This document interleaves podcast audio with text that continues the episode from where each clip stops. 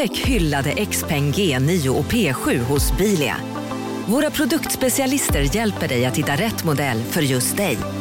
Boka din provkörning på bilia.se xpeng redan idag.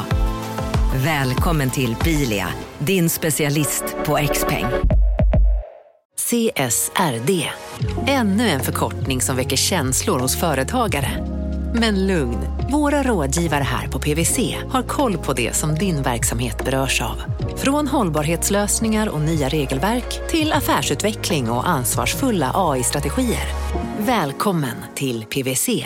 Hej, Synoptik här. Visste du att solens UV-strålar kan vara skadliga och åldra dina ögon i förtid? Kom in till oss så hjälper vi dig att hitta rätt solglasögon som skyddar dina ögon. Välkommen till Synoptik.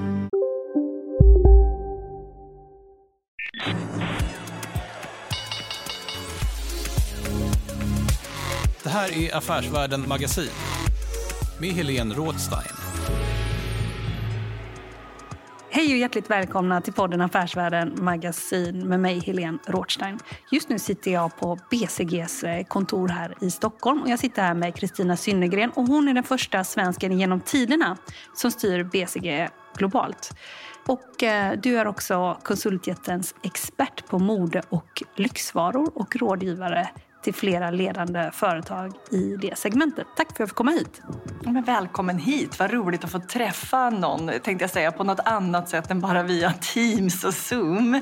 Eh, en strålande dag på BCG-kontoret i Stockholm. Så roligt att eh, få ha er här. De här lokalerna, vi sitter, operan är precis bakom mig och eh, sen vad har vi, vi har UD här också, vägg i vägg. Och de här lokalerna är jättevackra tycker jag. Har ni suttit här länge? Ja, men vi har varit här i några år nu. Men vi börjar liksom växa ur lokalerna. Och det, vi pratade om det lite alldeles nyss när ni kom. Men vi börjar växa ur det både i antal personer som ska få plats men även sättet att jobba. Och det är en lite spännande del av BCGs resa för vad vi kallar globalt för Next Generation Ways of Working. Vilket är delvis såklart accentuerat av pandemin men också någonting som vi har jobbat på under flera år där det handlar om nya sätt att leverera till klient, till våra klienter tillsammans med dem på ett annat sätt men också nya sätt att arbeta på ett mycket mer agilt arbetssätt eh, digitalt baserat till stora, till stora delar men även ett inkluderande sätt som jag tycker känns väldigt spännande och dynamiskt. Detta att du är i toppen av BCG, som är ett globalt företag. Kan du berätta lite, hur kom du dit och vad gör ni hela dagarna på BCG egentligen? Ja, två frågor i en. Eh, jag ska försöka börja besvara. Hur kom jag dit? Ja, eh, det var ju ett privilegium och en förmån att få det samtalet från vår vd med en fråga om jag kunde tänka mig att ta en plats i vad vi kallar för Executive Committee på BCG som är det team på ungefär 15 personer som globalt ser till att vi gör det bästa vi bara kan av det här företaget som är ett partnerskap. Så det är ju ett, ett företag som ägs av ungefär 1500 personer på BCG globalt som alla också har eh, lika rösträtt och lika möjlighet att säga till i olika stora frågor. Det som inte styrs av alla delägare, det styr vi som en global ledningsgrupp kan man säga. Och sen är då ditt fokus på det lyxsegment och det mode. Hur skulle du säga att eh, den branschen, eller de branscherna, eller det segmentet har påverkats av eh, coronakrisen? Och vad tror du framöver? Ja, men redan innan eh, pandemin så är det klart att det skedde stora transformativa förändringar i mode och, och, och, lyxindustrin. Vi hade dels en digitalisering så att mycket av handeln flyttade online men även mycket av det som influerade hur människor såg på mode och vad man var att konsumera kom från digitala kanaler helt plötsligt. Och tillsammans med det hade vi också en stor rörelse mot vad vi kallar för sustainability och circularity. Så det var redan där ganska omvälvande tider för modeindustrin och sen kom pandemin och vad som hände var ju att mycket av konsumtionen stannade av. Med alla restriktioner som infördes i alla länderna såklart så hade inte människor varken lust eller möjlighet att konsumera mode på samma sätt som tidigare. Så att vi såg 20% lägre försäljning under 2020 än vad vi gjorde 2019 och det var ju såklart ett ganska dramatiskt tapp. Dessutom var det ju så att den försäljningen som kom, kom via online-kanalerna. Så vi hade en stor utmaning i butiker som stod stilla, som var stängda, medarbetare som vi, man inte riktigt visste vad man skulle göra av. Även stora producerade lager.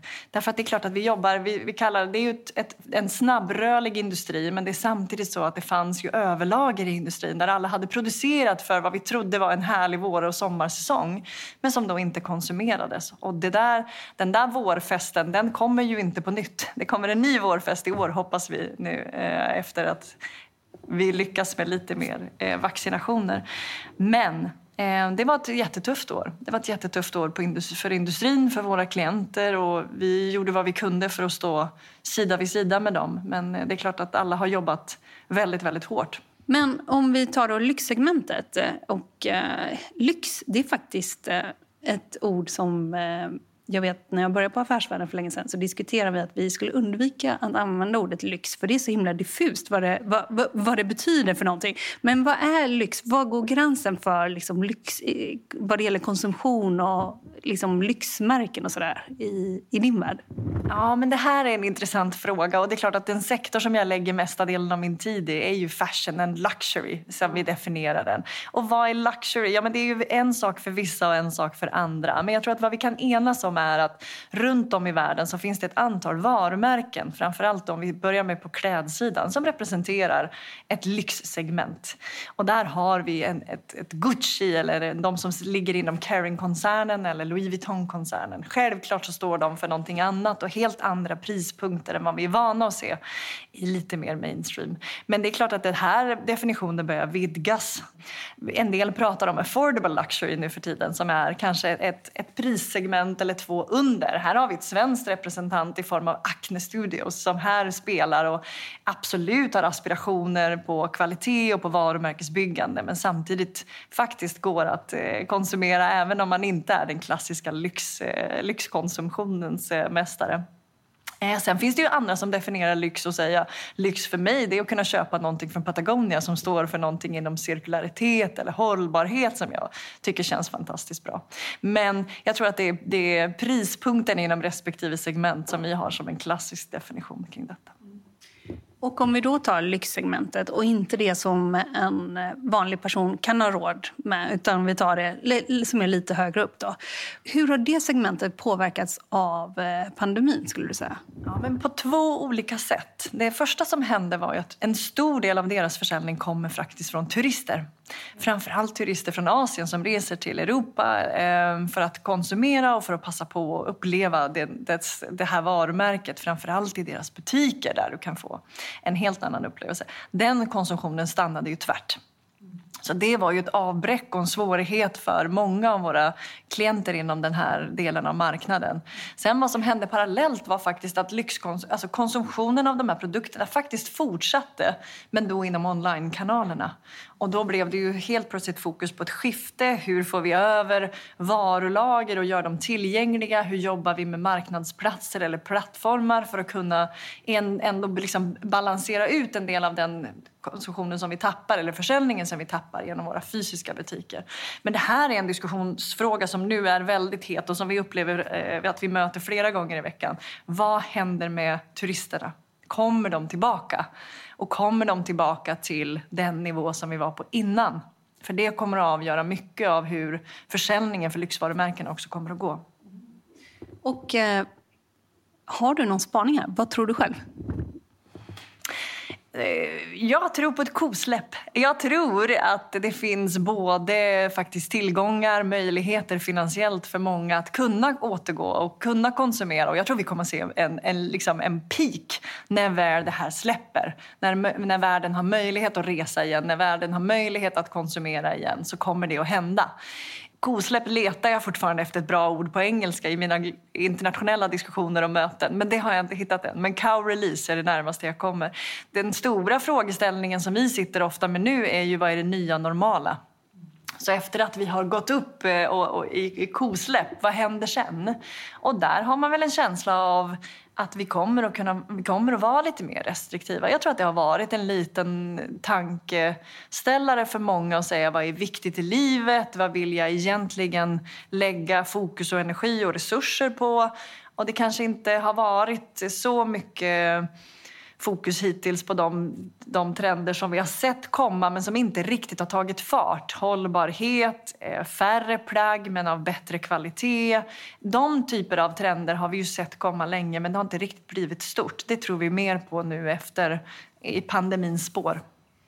Om man ska prata om lyxsegment och vi i Stockholm nu, då rör vi oss till exempel på Biblioteksgatan kan vi tänka oss. Om det som jag tänker, det har ju varit en lång debatt om eh, att retail när det flyttar och det blir e-tail utav allting. Hur bevarar man liksom lyxkänslan? För det är ju en viss känsla när man går in i en liten butik helt enkelt. Och liksom, eh, hur bevarar man och hur får man till en eh, ja, men en lyxkänsla liksom, om, från de här företagens sida när det blir mer online och inte liksom, om man har en butiksstöd. Jag vet inte om den alls drabbar de här lyxföretagen. Men vad skulle du säga? Nej, men den drabbar inte på samma sätt. Och det ser vi ju faktiskt att i olika segment av modemarknaden så har vi olika implikationer av vad vi kallar för e-tail eller den här omställningen till e-handel. Och där har ju lyxvarumärkena faktiskt eh, varit duktiga på att hitta, och det har man alltid haft, en anledning till att komma till en butik. Lyx handlar vi inte på convenience. Det är inte så att det är den som snabbast och mest smärtfritt skickar hem någonting utan det är ju en upplevelse i sig. Även för människor som vi intervjuar som själva är stora konsumenter av den här typen av produkter så upplever ju de fortfarande att en del av konsumtionen är faktiskt upplevelsen i butik. Möjligheten att eh, få personliga råd och en servicenivå som är utöver det vanliga, att röra sig i den miljön som det innebär. Att kunna titta, känna, prova, jämföra olika alternativ och sen kunna faktiskt också ta med sig produkten därifrån. För det är klart att leveranstider dras vi fortfarande med i vissa av de här eh, marknaderna i alla fall. Så där tror jag att man självklart behöver, som alla delar av retail, utveckla sin butiksupplevelse. Hur kompletterar den en, en online eller en digital upplevelse? Men där tror vi att mycket av upplevelsen, att få en upplevelse av ett varumärke är fortfarande väldigt svårt att skapa i en digital kanal. Mycket av varumärkesbyggandet och mycket av interaktionen med kunden kommer fortfarande, kommer såklart att vara digital. Men upplevelsen av varumärket, att göra varumärket mänskligt. Och vi pratar om en, nästan en analog upplevelse och en mänsklig upplevelse som, som ett, liksom en motvikt till att det har blivit så mycket digitalt och ganska stelt och tråkigt upplevelse av ett varumärke. Och den tror vi kommer fortsätta och den kommer vara viktig.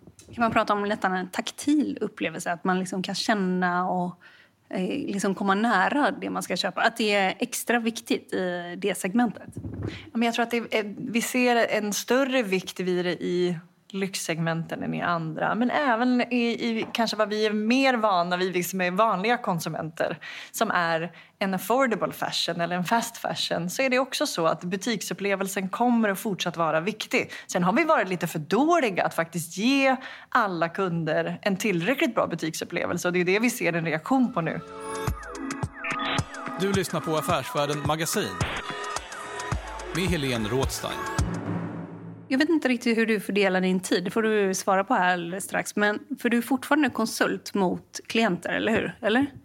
Ja, men det är en viktig princip som vi har. Man lämnar inte klient utan det är en, en del av vår verksamhet och den största delen av det som är min tid också. Så att en mindre del av min tid varje vecka eller månad går till att vara en del av Executive Committee men den mesta av min tid är fortfarande att hjälpa och stötta våra klienter. Vad är den vanligaste frågan nu som dina klienter sitter med som grupp? Då? För jag vet att ni får inte nämna några specifika klienter? Nej, men det finns några faktiskt teman som är gemensamma, både över hela världen men också över olika faktiskt delar av industrier. Så det här är inte bara unikt för mode eller för retailers generellt. Men det finns återkommande teman. Digitalt ett. Vad gör man framförallt som stort företag när man inte får förmånen att starta från början och bygga en väldigt flexibel tekniskt system eller man har anställda som här har den, den startup-mentaliteten. Så hur hanterar man den digitala omställningen? Vad krävs? Vad gör vi? Hur gör vi det? Och hur får vi kund, kundvärde ut av det så snabbt som möjligt? Så det är den ena frågeställningen. Sen finns det en annan frågeställning som handlar om klimat hållbarhet, cirkularitet som också skär tvärs igenom egentligen de flesta av våra industrier och de flesta av våra klienter. Så de två temana är såklart väldigt eh, heta eh, teman och ämnen just nu. Och sen finns det, tror jag, en, ett tredje som handlar om omställning och transformation. Eh, framförallt för våra stora klienter som är vana att kunna planera med lite längre horisonter, är vana att kunna jobba med förbättring eh, varje dag lite bättre istället för de här stora liksom, skiftena och stora stegen. Och hur får man som stort bolag eh, det där att få och komma in i, liksom, i dagliga rytmen och rutinerna?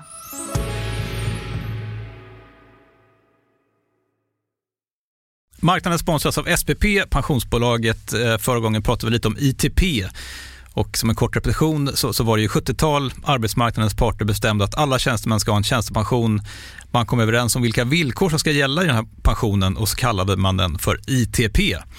Så jobbar man idag som tjänsteman i ett företag med kollektivavtal, då har man förmodligen den här pensionen, ITP-pensionen.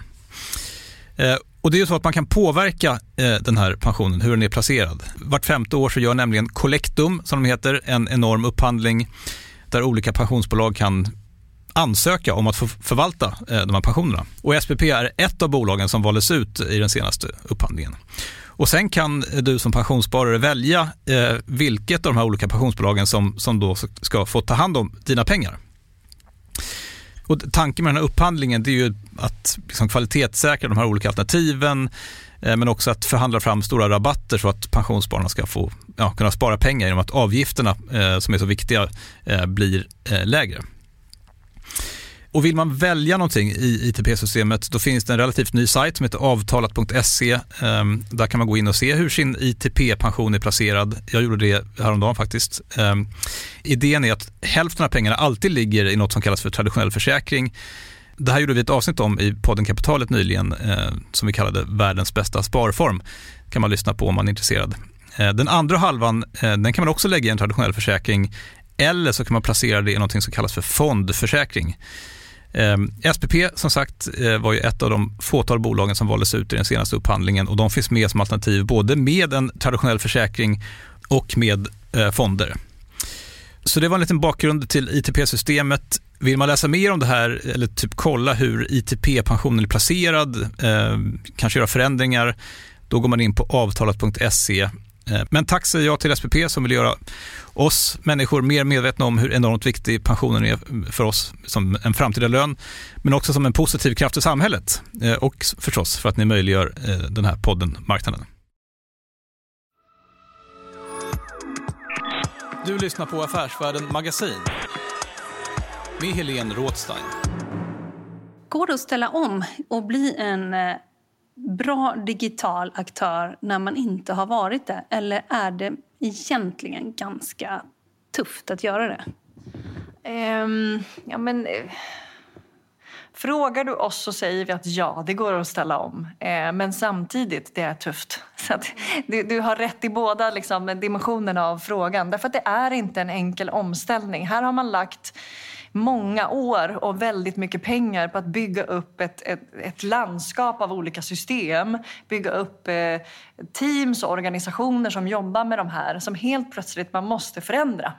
Så det är klart att äh, kunde man börja om från början kanske det vore enklare men det är inte ett alternativ. Och det här är heller inte ett alternativ att snegla på liksom, de digitala spelarna och säga att vi borde vara som dem, vi borde kopiera dem. Därför att de har ju också digitala produkter. Deras business är ju att leverera någonting digitalt. De flesta av våra kunders business är ju fortfarande en fysisk produkt om du tänker inom modebranschen eller eh, andra branscher. Och det ställer faktiskt lite andra krav på hur du agerar som företag och hur du väljer att eh, organisera dig men också hur du väljer att sätta upp det. Så att ja, det går, men det är tufft.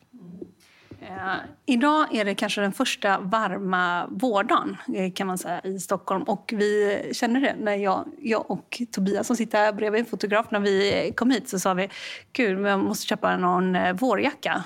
Och så frågade jag om du hade hunnit köpa någon liksom, vårjacka ännu. Och så sa du det är faktiskt inte så självklart att man gör det i dessa tider. Hur ser, man pratar ju ofta om vårmodet och sådär. Hur ser det, liksom, eh, får vi ett vårmode som eh, skjuter i höjden eller är det något som folk hoppar över skulle du säga nästan? Ja, men det återstår att se. Kosläppet, frågar du mig så tror jag att kosläppet kommer senare i år helt enkelt. Men däremot om vi ska dra lite globala slutsatser kring vad som händer på modefronten så handlar det ju i år mycket mer än tidigare om funktion så funktionskläder går helt plötsligt bättre. Jag tror att folk rör sig mer ute i naturen. Man prioriterar också kanske funktion före form och färg. Därför att det är så man har varit och jobbat nu framför datorer eller liknande.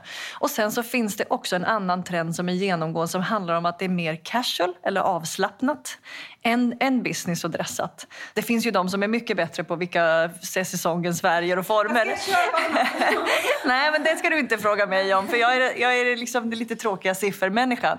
Men däremot funktion och casual är väl de teman som vi ser genomgående skjuter i höjden eh, under pandemin. Vad det gäller klockor det är ju jättetydliga segment med varumärken och så. Och jag undrar hur eh, den branschen har påverkats av corona. Är det samma som eh, mode och klädbranschen skulle du säga? Ja, men om vi tänker klockor som en del av ett segment som vi kallar för jewelry, så allt man bär på sig i form av smycken och klockor, så har det faktiskt haft svårt under den här perioden. Tillsammans med eh, till exempel handväskor eller skor. Det har funnits segment som har varit lite nice to have under en sån här period som inte riktigt har gått lika bra. Även inom klockor så ser vi att lyx går, väldigt, går fortsatt bra och bättre än liksom relativt resten av marknaden. Men även det som är mer i den lägre prisklassen. Så, och det, det, det är gemensamt för egentligen hela marknaden som sådant, inte bara jewelry eller klockor. Okej, okay, så att mellansegmentet har fått det mycket tuffare, både vad det gäller kläder och... Eh, varför är det så?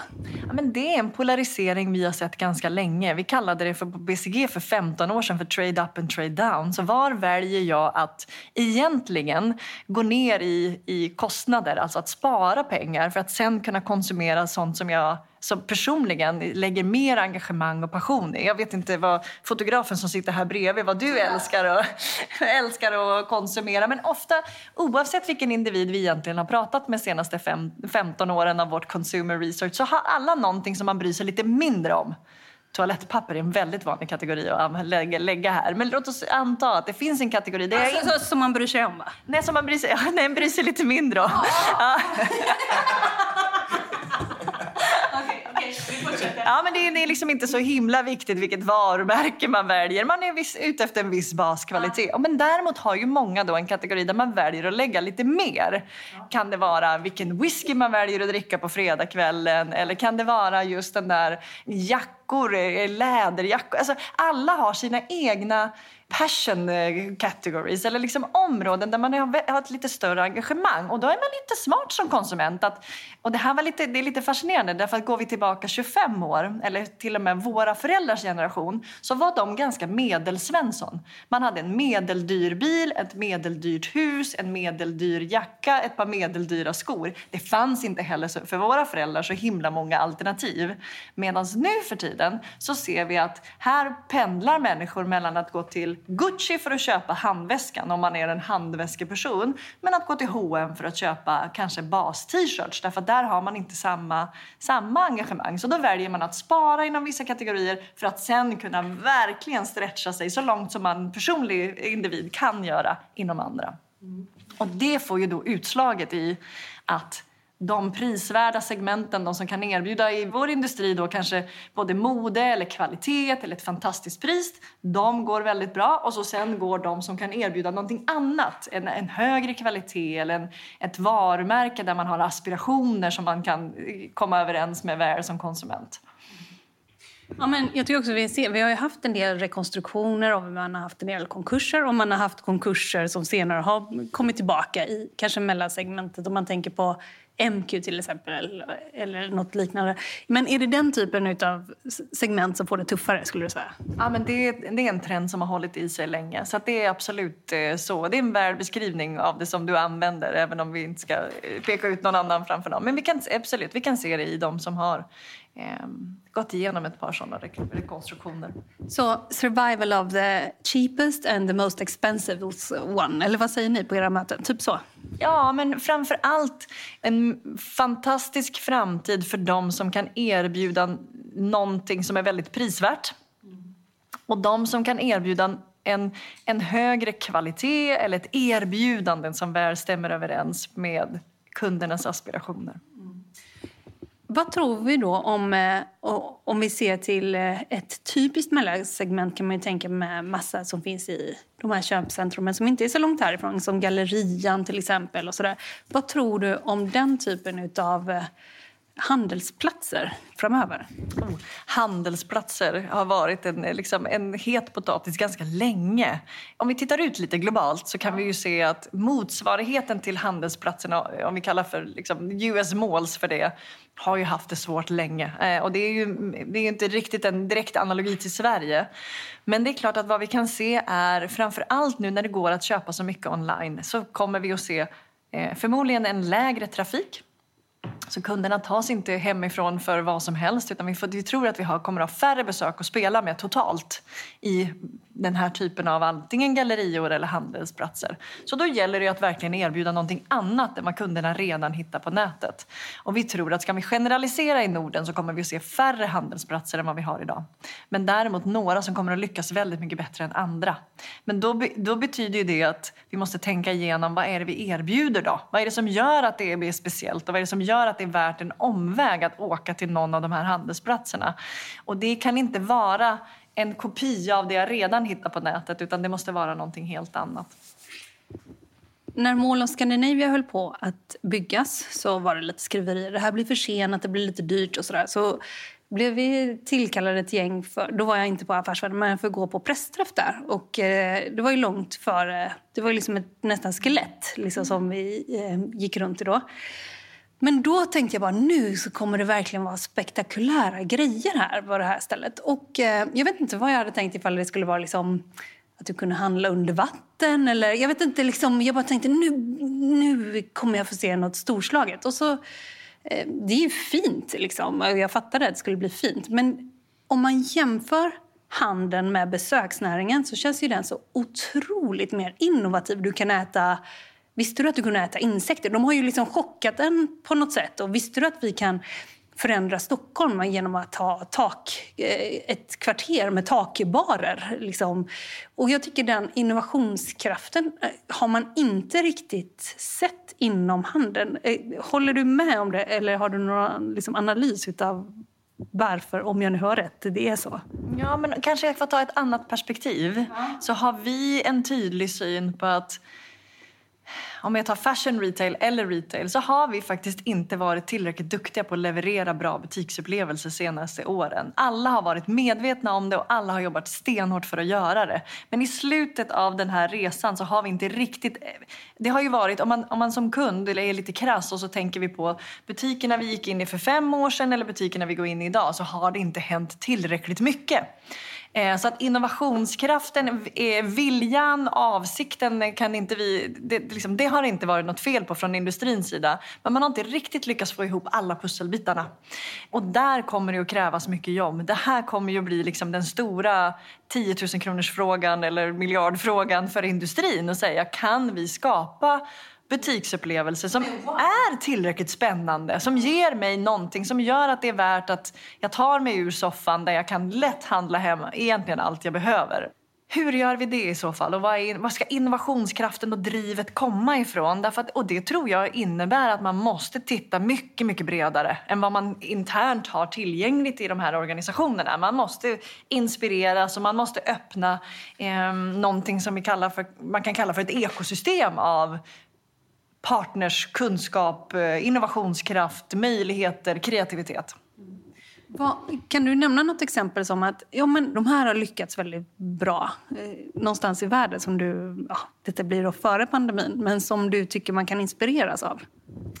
Nej, men jag, jag, tror att ur ett retailperspektiv som konsument så tycker jag en av kanske de större innovationerna kom från Apple. När de drog igång sina Apple Stores och helt plötsligt fanns det liksom Genius Bars och man fick support och man kunde gå dit och eh, du fick uppleva, uppleva det på ett annat sätt. Du kunde få teknisk support.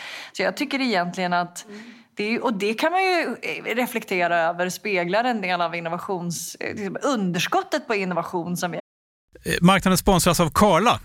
Vi pratar ju en hel del om bilar här på kontoret.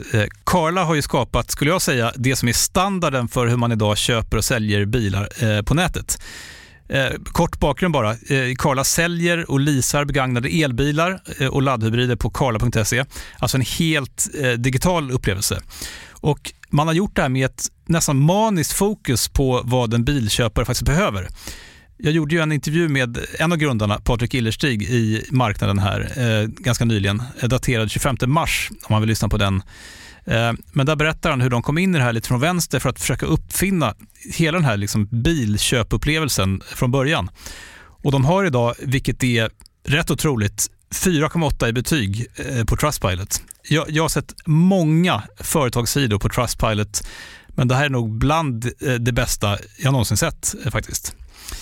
Man kan sälja bilen till Karla också. Då går man in på karla.se, delar lite info om bilen, sen får man en gratis värdering och ett bud. De hämtar bilen helt gratis i hela Sverige och så har man pengarna på kontot i samma stund som de hämtar bilen. Det är grymt. Eh, så ska du köpa en ny bil eller sälja din gamla, eller båda delar för den delen, gå in på karla.se och kolla. Alltså karla.se och Karla stavas med C. Tack så mycket till Karla. Jag har haft i industrin därför att när en techspelare kommer in och gör något av de bästa koncepten, mm. Mm. Ja, men det, det ger oss ju lite att tänka på.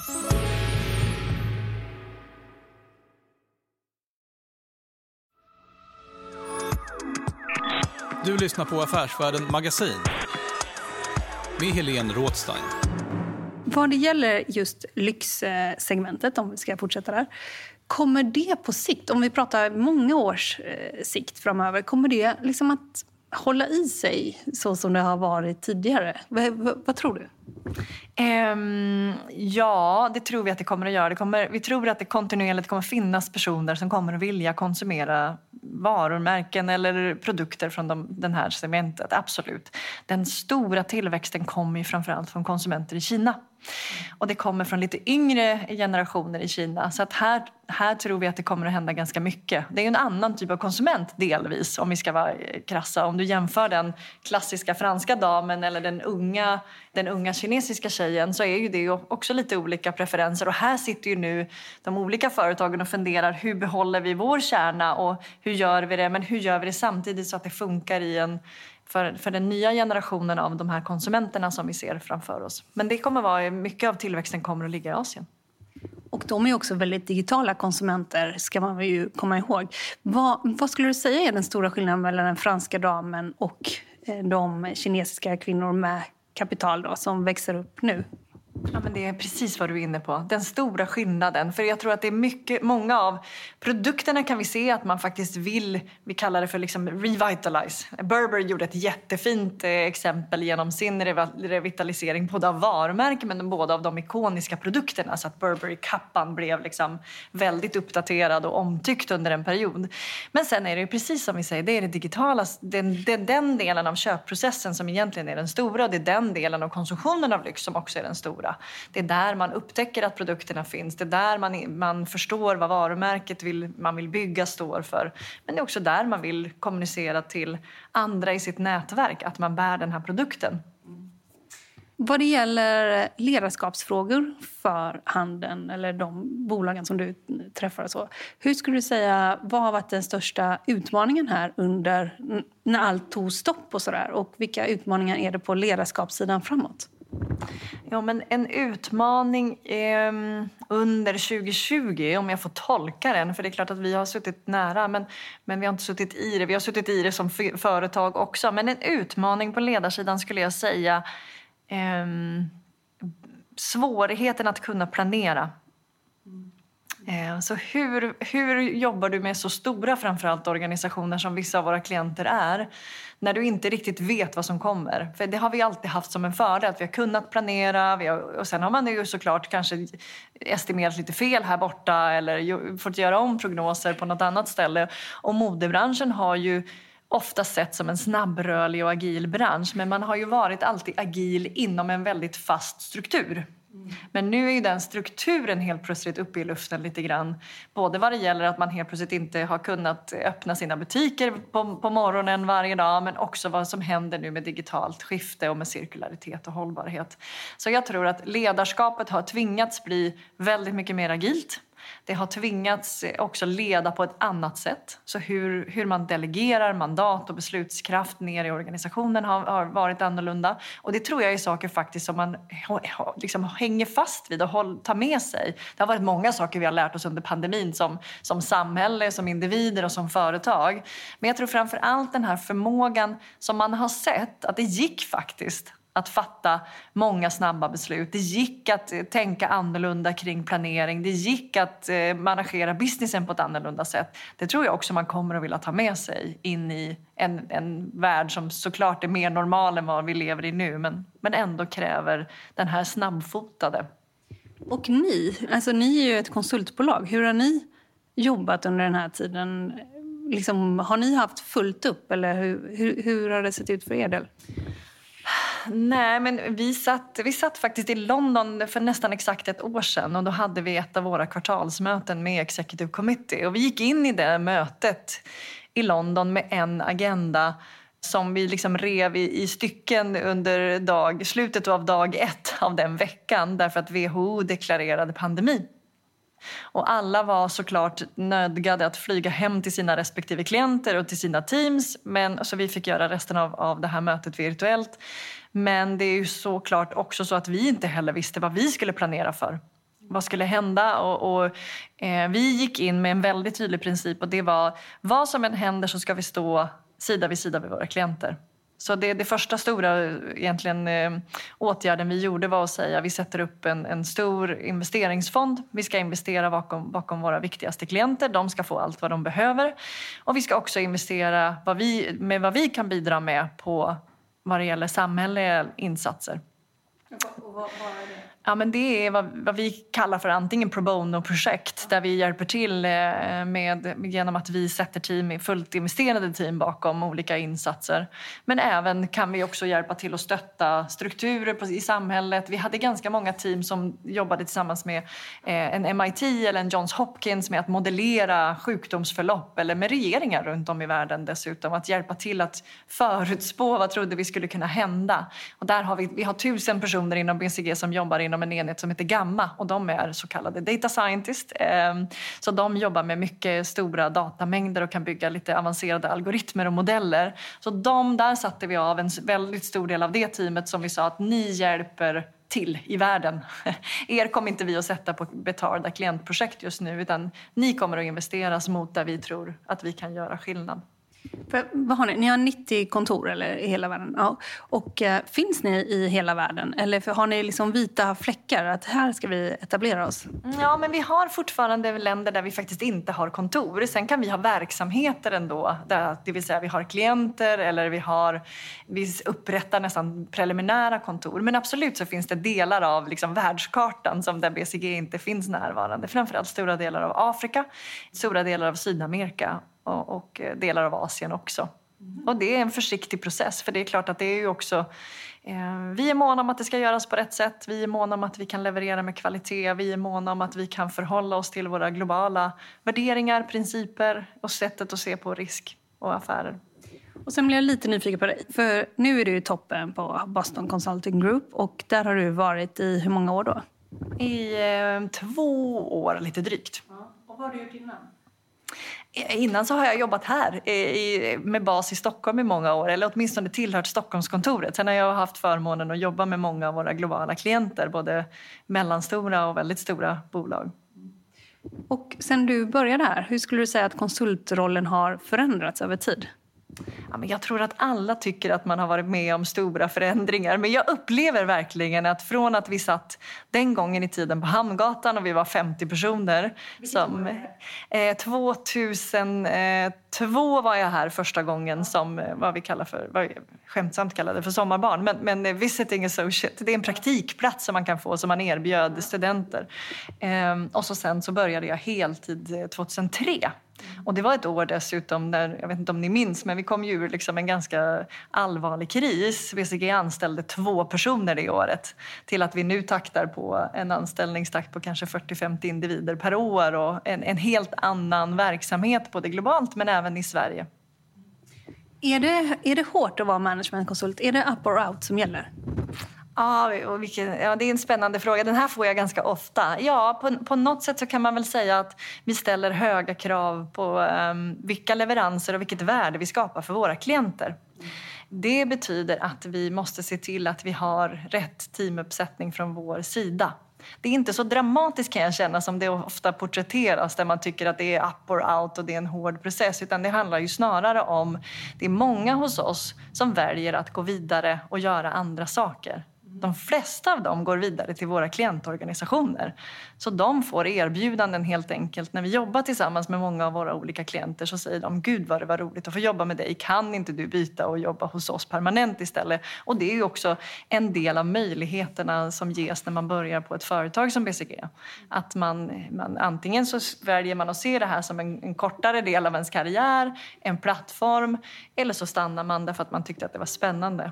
Du talade tidigare här om eh, cow-release eller kosläpp som är på svenska som har haft lite... Eh, ja, det är ett ganska svenskt fenomen har det visat sig också mot dina kollegor. När kommer detta kosläpp skulle du säga? Åh, det vet inte om du ska fråga mig om. Det är verkligen inte mitt expertisområde men jag hoppas hoppas jag att det kommer efter sommaren eller lagom till sommaren. Jag hoppas att eh, vi lyckas som samhällen runt om i världen vaccinera eh, framför allt de mest utsatta grupperna. Jag hoppas också att vi kan lära liksom, att vi har fördelen som vi hade förra sommaren där vi kunde återgå till ett nästan normalt liv eller nära normalt liv. Så att eh, eh jag har ingen kvalificerad gissning. Jag har bara en förhoppning om att det sker i sommar eller tidig höst. Och, och sista då, vad, i det ordet, då, då ligger det att nu går vi, då går vi ut på restaurang, då går vi ut och handlar. Eller, eller vad, vad lägger du i ordet? Ja, men jag, hoppas, eh, jag hoppas för det första att vi kan komma tillbaka och umgås med alla våra nära och kära på ett annat sätt än vad vi haft möjlighet att göra idag. Och jag tror som en del av det så kommer man att också vilja eh, umgås ute på restaurang. Jag tror att man kommer att vilja resa. Det är väl få personer som har rest senaste året. Jag har i alla fall inte gjort någon resa sen jag var i London med Executive Committee för ett år sedan. Så att jag skulle tycka det var supermysigt att få resa lite med min familj. Ehm, men jag tror även att man faktiskt kommer att vilja kanske köpa den där vårjackan eller den där vårklän höstklänningen får det väl bli då. Som man har gått och längtat efter och som man aldrig har haft en an liksom anledning att köpa eller anledning att ha på sig. Då säger jag tack så mycket till dig Kristina Synnergren för att vi fick komma och hälsa på det här på BCGs Stockholmskontor. Tack för att ni kom. Vad roligt att få vara med.